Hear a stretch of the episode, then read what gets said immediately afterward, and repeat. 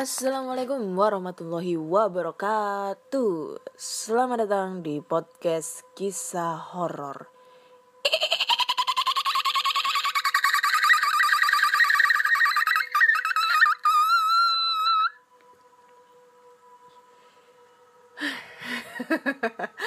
Masih bersama dengan Ana di sini yang akan membacakan cerita horor ataupun email berhantu, DM berhantu lah yang sudah dikirimkan teman-teman melalui podcast kisah horor at gmail.com ataupun di DM Instagram Ana Olive dan DM Instagram podcast kisah horor. Ya, seperti biasa aku akan membacakan lewat tengah malam karena selain menghindari dari suara kebisingan di luar, selain itu juga ingin merasakan eksistensi ataupun mungkin eh, creepy-nya ini cerita ya biar merasuk ke dalam jiwa. Wanjay merasuk ke dalam jiwa. Hah, Oke hari ini udah masuk tanggal 4 Agustus 2020 pukul 12 lewat 19 dini hari ya. Jam 12 lewat 19 jadi ya le- udah lewat tengah malam ya. So kali ini aku akan membacakan beberapa cerita. Ada tiga cerita yang akan aku bacakan. Oke Hmm. Wih, panjang ya ini ya. Oke. Langsung aja kita bacakan ceritanya. Yang pertama datang dari email. Oke, cerita pertama dat- datang dari Mas Robi lagi. Jika kalian pernah dengar ceritanya Mas Robi di episode keberapa ya kemarin ya? 38 ya. Yang cerita cerita hantu si Robi. Nah, itu. Dan kali ini dia mau kirim cerita lagi nih ya. Nah, nih ya, dia tuh punya podcast juga namanya Podcast Stay Up TV. Dan podcast ini juga menceritakan tentang cerita horor. Jangan lupa mampir ke podcastnya Stay Up TV. Dan jangan lupa klik tombol follow di Spotify, Google Podcast, Anchor, ataupun Apple Podcast. Dan jangan lupa mampir ke channel YouTube-nya ya. Channel YouTube-nya namanya Podcast Stay Up TV. Oleh, eh boleh. Oke, kita bacakan ceritanya. Halo Mbak Ana Olive, apa kabar? Baik. Hmm. Tahan dulu. Oke. Semoga selalu sehat dan bahagia. Amin amin ya rabbal alamin. Pada kesempatan kali ini aku mau berbagi cerita yang mungkin cukup kocak dan seram. Waktu masih kuliahku pernah gantiin bokapku ngeronda keliling kampung di rumah orang tuaku. Waktu itu aku berempat sama dua bapak-bapak dan dua anak muda seumuran denganku. Aku lupa waktu itu hari apa, yang pasti malam ya. Kalau siang bukan ngeronda lagi. Oh iya iya dong, kalau siang kita nge-mall, guys, nge-mall ya. jadi pas eh jadi pos kamlingnya itu di deket rumah Pak RT yang jalan menuju rumahnya lewat kebun yang banyak pohon-pohon gede. Seperti pohon pete, pohon bambu, pohon pisang, dan ada pohon rukem. Kalau nggak tahu rukem, bentuk buahnya seperti buah anggur merah dan pohonnya ada durinya. Malam itu aku lewat kebun itu berempat ke pos ronda tersebut. Kita ngumpul di situ sambil bagi-bagi tugas gantian muter kampung. Waktu itu start keliling jam 11 malam sampai jam 4 subuh. Aku kebagian jam 2 malam. Emang kayaknya aku lagi dikerjain nih, dikasih jam yang menurutku itu banyak aktivitas makhluk halus. Mereka tahu aku bisa ngeliat-ngeliat makhluk tak kasat mata gitu. Pertama, jalan lewat kebun itu masih biasa aja. Ada sih beberapa makhluk halus di situ. Ada Miss Kun lagi ngumpet aja di balik pohon pete. Ada pocong lagi berdiri aja di pohon pisang. Ada juga sosok kakek-kakek tua dan aku nggak tahu itu orang atau bukan. Soalnya bentuknya bener jelas banget. Cuma yang anehnya itu kakek jalannya bungkuk. Berpapasan sama aku dengan muka yang datar dan jalan begitu aja. Aku gak mau nyapa karena aku pikir ngapain juga kakek-kakek jam 2 malam keluyuran. Setelah aku muter-muter kampung sendiri sekitar 60 menitan, aku mau balik lagi ke posis kamling kira-kira jam 3-an. Sampai di kebun itu aku diketawain cuy sama Miss K. Suaranya itu seperti di atas pohon pete. Aku lihat-lihat dengan senter ke atas, gak ada tuh Miss K. Sampainya aku di pos kampling, kamling, kaget. Gak ada orang. Dalam hatiku cuma bisa mengumpat. Aduh si anjing gue ditinggal sendirian nih mana harus lewat kebun lagi. Anjing anjing.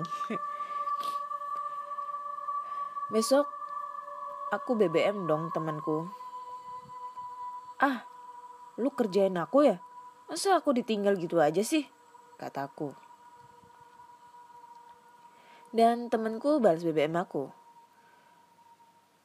Aku bertiga lagi pada mencatur. Tiba-tiba dengar suara Miss K ketawa. Jadi kita pada pulang semua, kata temanku. Aku kira aku dan temanku balas BBM-ku. Eh, gimana gimana? Kata gue kira gue dan teman gue balas BBM gue. Hah, ya itu nggak kata wow. Oh, maksudnya dikira itu si si ini si Mas Robi itu ngira bakal balas BBM-nya dia. Aku lagi eh. Oh, aku kira aku doang ternyata. Yang lihat ternyata kalian semua diketawain duluan. Nah, rasain rasain. Aku ketawain mereka. Aduh anjay bingung. Sorry sorry sorry sorry ya ya ya. Jadi aku ulangin lagi ya. Besoknya aku BBM dong temanku. Ah lu kerjain gue? Ya masa gue ditinggal gitu aja? Kata gue. Wih mantap. Jadi gue lulu terus mana tadi? Oh dan temanku balas BBM ku. Eh aku bertiga lagi pada main catur Tiba-tiba dengar suara Miss K ketawa. Jadi kita pada pulang semua, kata temanku. Aku kira aku dan temanku, nah, salah kan? Aku kira aku doang. Ternyata kalian semua diketawain duluan, rasain lu gitu kan. Kata Mas Robi. Kejadiannya juga aku udah kuliah. Uh, waktu itu aku diajak yasinan di musola di kuburan keramat deket rumah orang tuaku. Waktu itu malam Jumat, temanku datang ke rumahku. Rob, temeninku yasinan yuk. Ajak temenku. Aku sih mau aja diajak ngaji kok gak ma kok nggak mau sih. Ya udah aku jalan berdua sama dia di sekit di sekitaran Ba'da Isya. Aku sempat nanya, ini ngaji di mana pi? Tanyaku. Di musola kuburan keramat Ibu Mayang Sari, toko masyarakat tempo dulu di kampung itu. Jawab temenku. Dih, si kupret. Aku kok diajak ngaji di keramat? Tapi aku solider. Aku ikutin aja lah. Kuburannya itu ada di dekat perbatasan kampung sama perumahan Puri Bintaro. Dan ada pohon beringin besar di belakangnya. Hmm, clue ini ya. Perumahan Puri Bintaro. Posisinya makam di atas dan perumahan ada di bawah. Dan ada akses pintu untuk lewat orang saja di samping depan makam tersebut. Selama ngaji itu aku nggak tenang. Ada makhluk halus yang ngeliatin dari luar makam. Bentuk makamnya itu seperti rumah. Ada latar besar dan panjangnya kira-kira 10 meteran. Dan di ujungnya adalah bagian belakang dan bagian makam keramat itu. Di samping kiri kanannya ada jendela empat buah Kira-kira ukurannya 1 meter kali setengah meter. Dari jendela tersebut ada pocong yang ngintip-ngintip berdua yang lagi baca yasin. Mukanya nggak kelihatan jelas karena lampunya cuma 5 watt. Di tengah bacaan surat yasin, ada ular lewat di paha gue yang lagi duduk bersila. Gede banget. Gak kelar-kelar ujungnya sampai tiga menitan lah. Aku udah gemeteran aja waktu itu. Dan di akhir aku baca surat yasin aku ngedengar suara orang jalan seperti pasukan perang dan suara-suara orang ngobrol seperti bahasa asing. Di situ aku gunain mata batinku Dalam penglihatanku di bawah kampung atau di perumahan tersebut banyak prajurit-prajurit asing lagi perang sama orang Indonesia yang posisinya di kampung atau di atas. Aku disadarin sama temanku ini dan gak lama aku balik. Besoknya, di topik ini, si topik ini main ke rumah temennya yang deket makam tersebut ceritalah sama orang tua orang tua temennya itu tentang kejadian semalam yang aku alami. Kata orang tua temennya itu memang benar, dulu di situ tempat perang masa penjajahan Belanda. Dan kalau ular tersebut memang siluman yang ada di pohon beringin tersebut. Ternyata di kepala ular tersebut ada sebuah batu atau permata yang bisa diambil oleh orang yang mengerti caranya. Note, aku ngetik ini jam 2 malam sambil dengerin podcast kisah horor, anjay. Anehnya, di headsetku denger suara-suara seperti cewek atau suara anak kecil. Sepertinya suara itu penunggu di depan rumah yang ada di pohon rambutan. Salam Robi. Waduh, wanjai ceritanya ya panjang dan lumayan creepy ya aku nggak bisa ngebayangin ya kalau menjadi Mas Robi kalau bisa ngeliat-ngeliat makhluk tak kasat mata jujur aja aku sampai sekarang masih tertarik untuk gimana caranya bisa ngeliat mereka kayak gitu soalnya aku tuh udah beberapa kali minta tolong ya bu sama temen. Temen yang bener-bener mempunyai keahlian khusus maksudnya yang bisa membuka mata batin. Tapi mereka semua itu kayak nggak mau gitu loh. Uh, apa namanya nolongin aku buat ngebuka mata batin ataupun mungkin memberikan aku kesempatan buat melihat mereka gitu. Karena katanya sih takut nggak mau ada resiko atau kayak gimana aku nggak tahu juga sih ya. Hmm. tapi aduh salut banget deh ya. Dan dia lagi ngedengerin podcast kisah horor pada waktu ngetik uh, cerita ini. Dan dia ngedenger suara-suara seperti cewek atau suara anak kecil anjay. Tapi emang bener ya.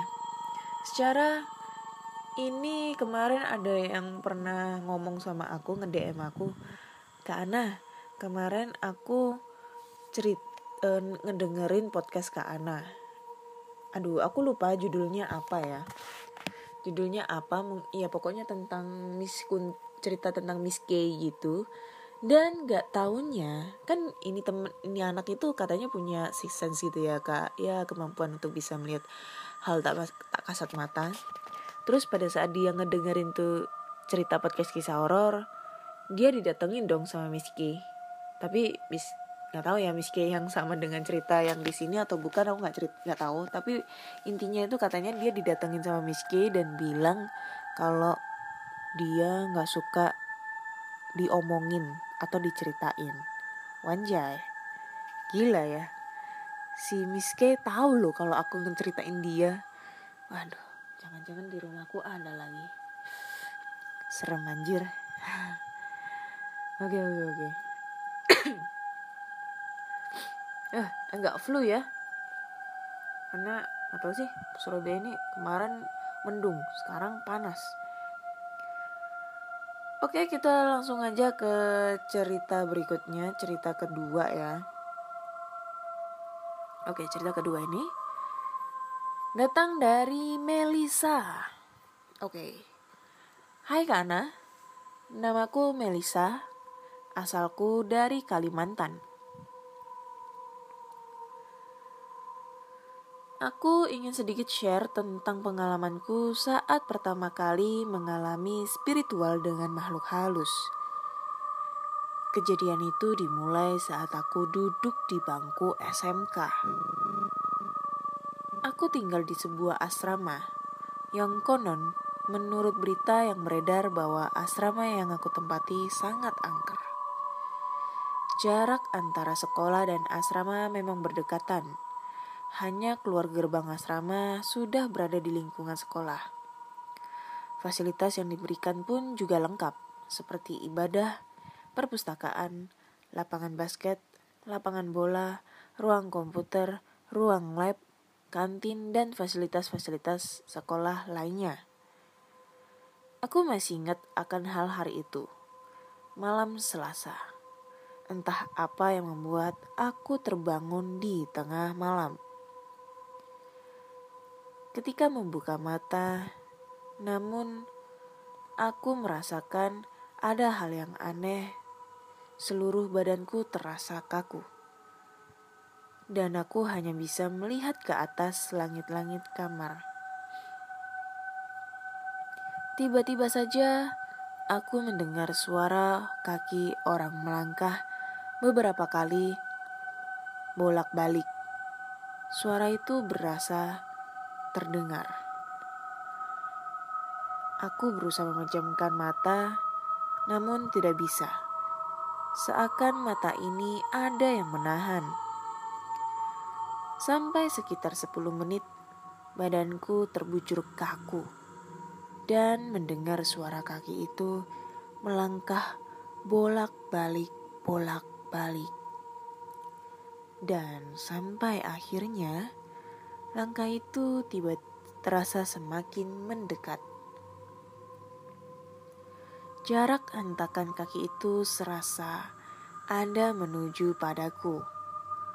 Dan tiba-tiba suara itu hilang begitu saja. Baju hitam eh salah. Tiba-tiba ketika aku melihat ke arah langit-langit kamar, betapa terkejutnya aku saat ada sesosok hantu dengan menggunakan baju hitam dan mata melotot persis menghadap ke arahku. Betapa terkejutnya aku dan seakan ingin teriak, tapi tak bisa. Ingin lari, tak bisa. Hanya rasa ketakutan yang aku rasakan. Langsung saja aku berdoa menutup mataku, namun masih tidak bisa. Kemudian dia tiba-tiba berada di samping luar kelambu tempat tidurku. Dia terus memandangiku hingga tiba-tiba saja suara azan berkumandang. Sekejap badan dan mataku kembali normal, eh Norman Norman Kamaru kali ya normal dan ketika aku melihat ke arah di mana sosok yang tadi aku lihat sudah menghilang. Oke terima kasih buat Mbak Melisa untuk ceritanya Wanjai ini emang kalau cerita di asrama itu aduh sumpah. Nggak bisa ngebayangin ya cerita di asrama apalagi asramanya itu creepy banget. Terus lorongnya panjang banget banyak kamar tapi banyak kamar yang tidak berpenghuni. Terus lorongnya gelap. Wih mantap itu. Kayak di film cuy. Beneran kayak di film gitu kan. Kayak film apa ya? Yang ada asrama-asrama.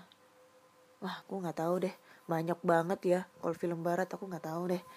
Itu creepy banget. Nggak bisa ngebayangin. Karena dulu juga aku pernah tinggal di asrama waktu SMA dan pernah yang ngalami kesurupan juga. Dan itu sumpah creepy banget lokasinya. Apalagi kalau pas di saat kita mau ke toilet kayak gitu kan. Wih wanjay. Ke toilet tengah malam. Sumpah gila. Serem anjir. Oke, lanjut aja ya kita ke cerita terakhir.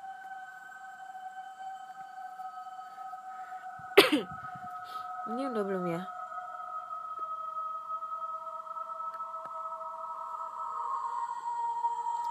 Oke, cerita terakhir ini datang dari email lagi. Halo podcast podcast kisah horor, podcast semen. Podcast kisah horor, namaku Riko. Aku dari Kuningan, Jawa Barat. Aku mau cerita nih pengalamanku di Kuntit Pocong. Kisah ini bermula dari cerita babehku, weh babeh. Cerita ayahku yang ketika muda pernah melakukan hal konyol bersama teman-temannya. Yaitu tengah malam ke kuburan buat jago-jagoan atau sok-sokan lah gitu. Akhirnya aku terinspirasi. Kayaknya seru dan lucu. Akhirnya waktu begadang bersama temanku.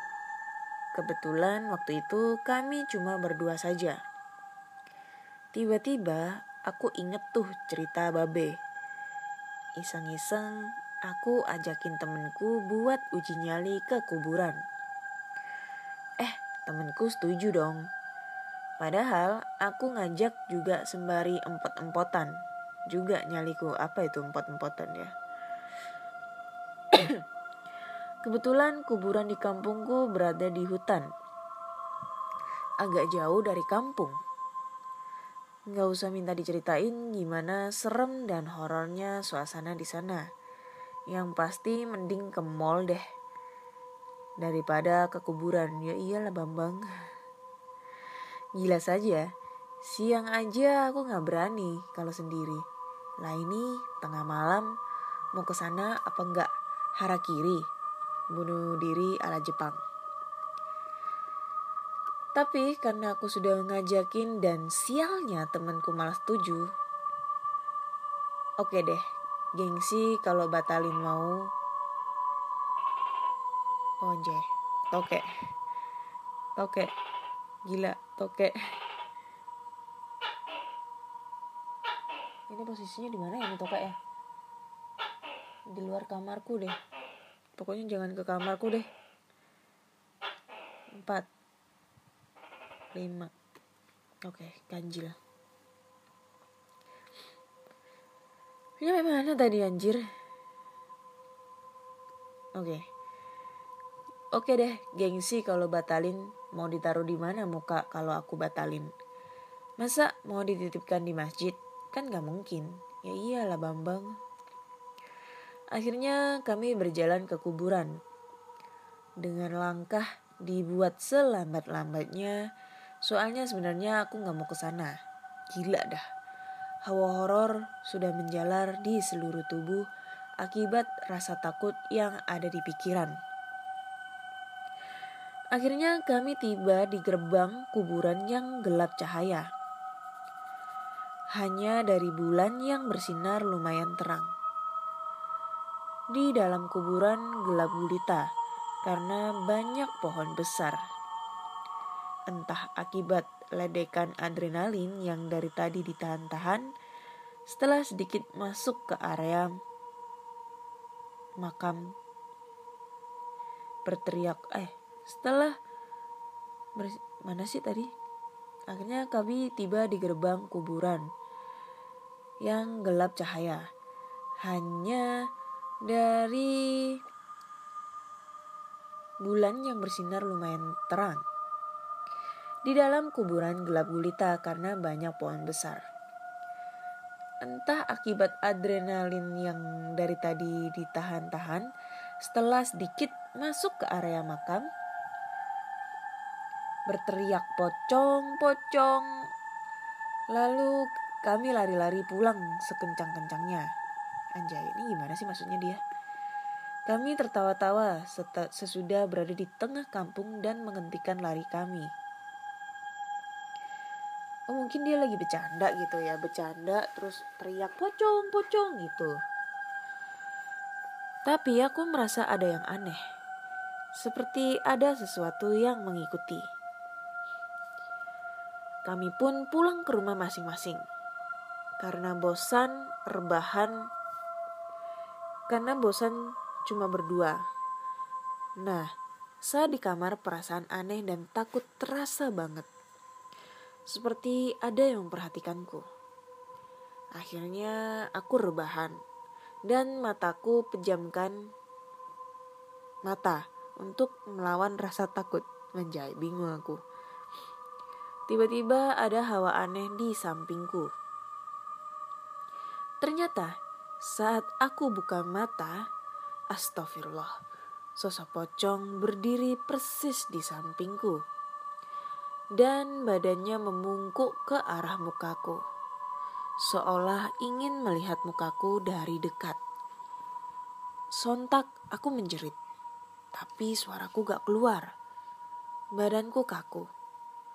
Pocong itu tak seperti gambaran di film-film horor Indonesia yang memakai kain kafan putih bersih. Pocong ini kain kafannya sudah sobek-sobek, lapuk, dan kotor. Tapi aku gak bisa melihat wajahnya karena hitam legam. Semalaman aku gak tidur, cuma pejamkan mata. Untung di masjid segera, segera terdengar suara pujian, karena sebentar lagi mau subuh. Besok paginya aku cerita ke temen. Sekalian tanya apa dia juga didatangi pocong. Ternyata cuma aku yang dikuntit. Akhirnya siangnya karena merasa ada yang aneh, aku ajak teman-teman ke paranormal di kampung tetangga. Kebetulan kami sudah kenal karena si paranormal sering dipanggil ke kampung kami jika ada yang kena gangguan mistis. Tak lupa aku beli rokok Samsu dua bungkus buat si Embah. Wanjay rokok Samsu cuy. Kenapa nggak Marlboro sekalian gitu?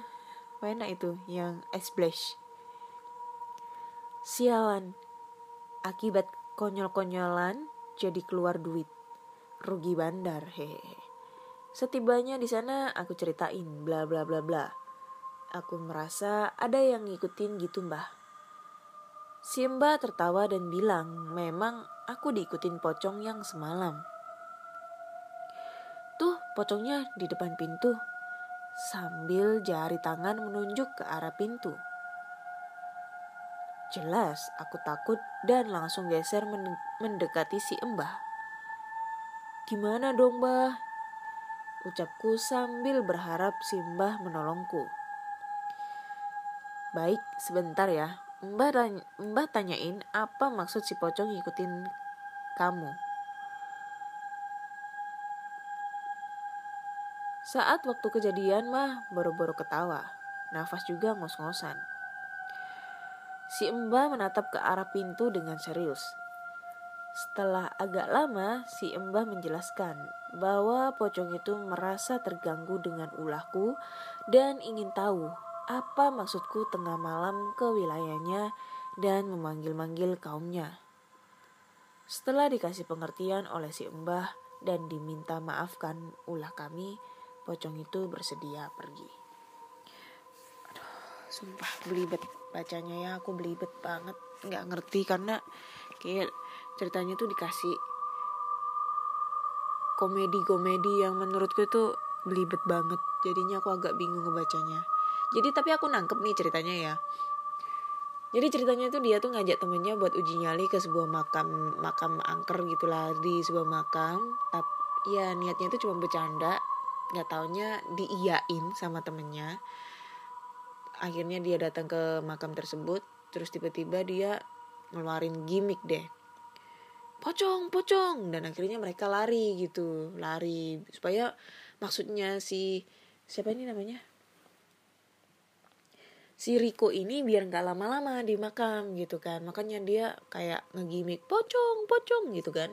Nah nyampe nyampe di rumah dia tuh ngerasa terganggu karena kayaknya tuh ada yang ngikutin gitu. Ya iyalah siapa sih yang nggak terima? gitu kan. Lu habis ngata-ngatain dia terus lu diikutin lu nggak terima. Gila kan? Kayak gitu deh diikutin. Tapi ya menurutku sih ya nggak usah deh nantang-nantang gitu kalian itu buat apa ya. Kalau aku sih ya aku tuh bukan niat nantang. Emang bukannya aku sok-sokan atau kayak gimana ya? Aku emang nggak nggak aku punya rasa takut itu punya. Tapi selalu berpikiran positif.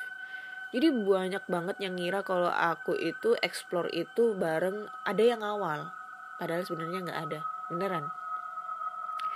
Serius aku tuh kalau explore kalau udah tahu lokasinya datang sendiri kalau belum tahu lokasinya paling datang sama temen yang tahu terus aku suruh nunggu dia di, di luar. Nah itu banyak banget yang nge DM aku kayak ya ada temennya tuh di belakang apa bla bla bla bla gak mungkin masuk sendirian dan lain-lain kayak gitu kan. Merasa tertantang dong aku. Ini tadi aku udah survei lokasi. Sebenarnya hari ini mau konten tapi kendala center ya. Centernya aku lupa nggak ada. Jadinya insya Allah besok lah kalau nggak ada kendala. So yang di lokasi Surabaya ya yang yang meragukan tentang keeksploranku kalian bisa langsung aja ikut. Ayo besok nggak tahu ya. Insya Allah minggu ini aku mau ngonten di salah satu lokasi yang menurut orang-orang sekitar tuh angker. Biar kalian tahu itu aku di situ tuh ngonten sendirian atau emang didampingin sama orang di belakang. Jadi seakan-akan sendirian. Karena udah banyak banget orang yang tahu aku dan ya ngonten bareng aku kalau aku tuh sendirian kayak gitu. Dan ini juga ya kalau bisa nggak usah lah ke makam. Ya karena dari itu juga kenapa aku nggak mau ngonten di area makam? Karena menurutku itu hal yang tidak usah dibuat konten. Karena makam adalah ya makam itu ke depannya jadi rumah masa depan kita gitu loh.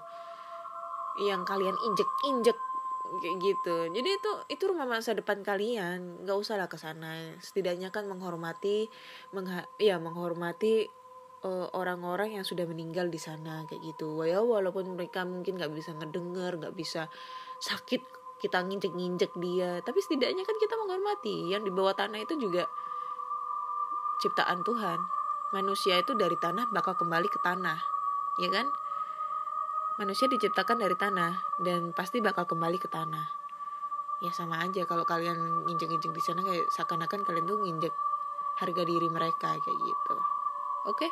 Jadi so kenapa banyak sekali banyak banyak yang komen sama aku untuk explore di daerah area makam yang menurut mereka itu angker banget dan ini jawabanku aku nggak mau explore di area makam karena makam itu adalah rumah masa depan kita dan setidaknya kita menghargai orang-orang yang sudah meninggal di sana. Kayak gitu. Nggak mau gue mending gue explore kebon atau apa gitu nggak masalah aku mah. Ya? Oke udah menit ke 34 ini udah 34 menit ini aku nemenin kalian ngebacain cerita-cerita horor ini. Uh, ya karena terbatas juga karena ini ya sebenarnya chargerku itu error rusak cuy. Dan ini HP ku udah lowbat banget jadi takutnya nanti nggak cukup untuk nge-upload ini podcast. So cukup sekian dulu cerita kali ini.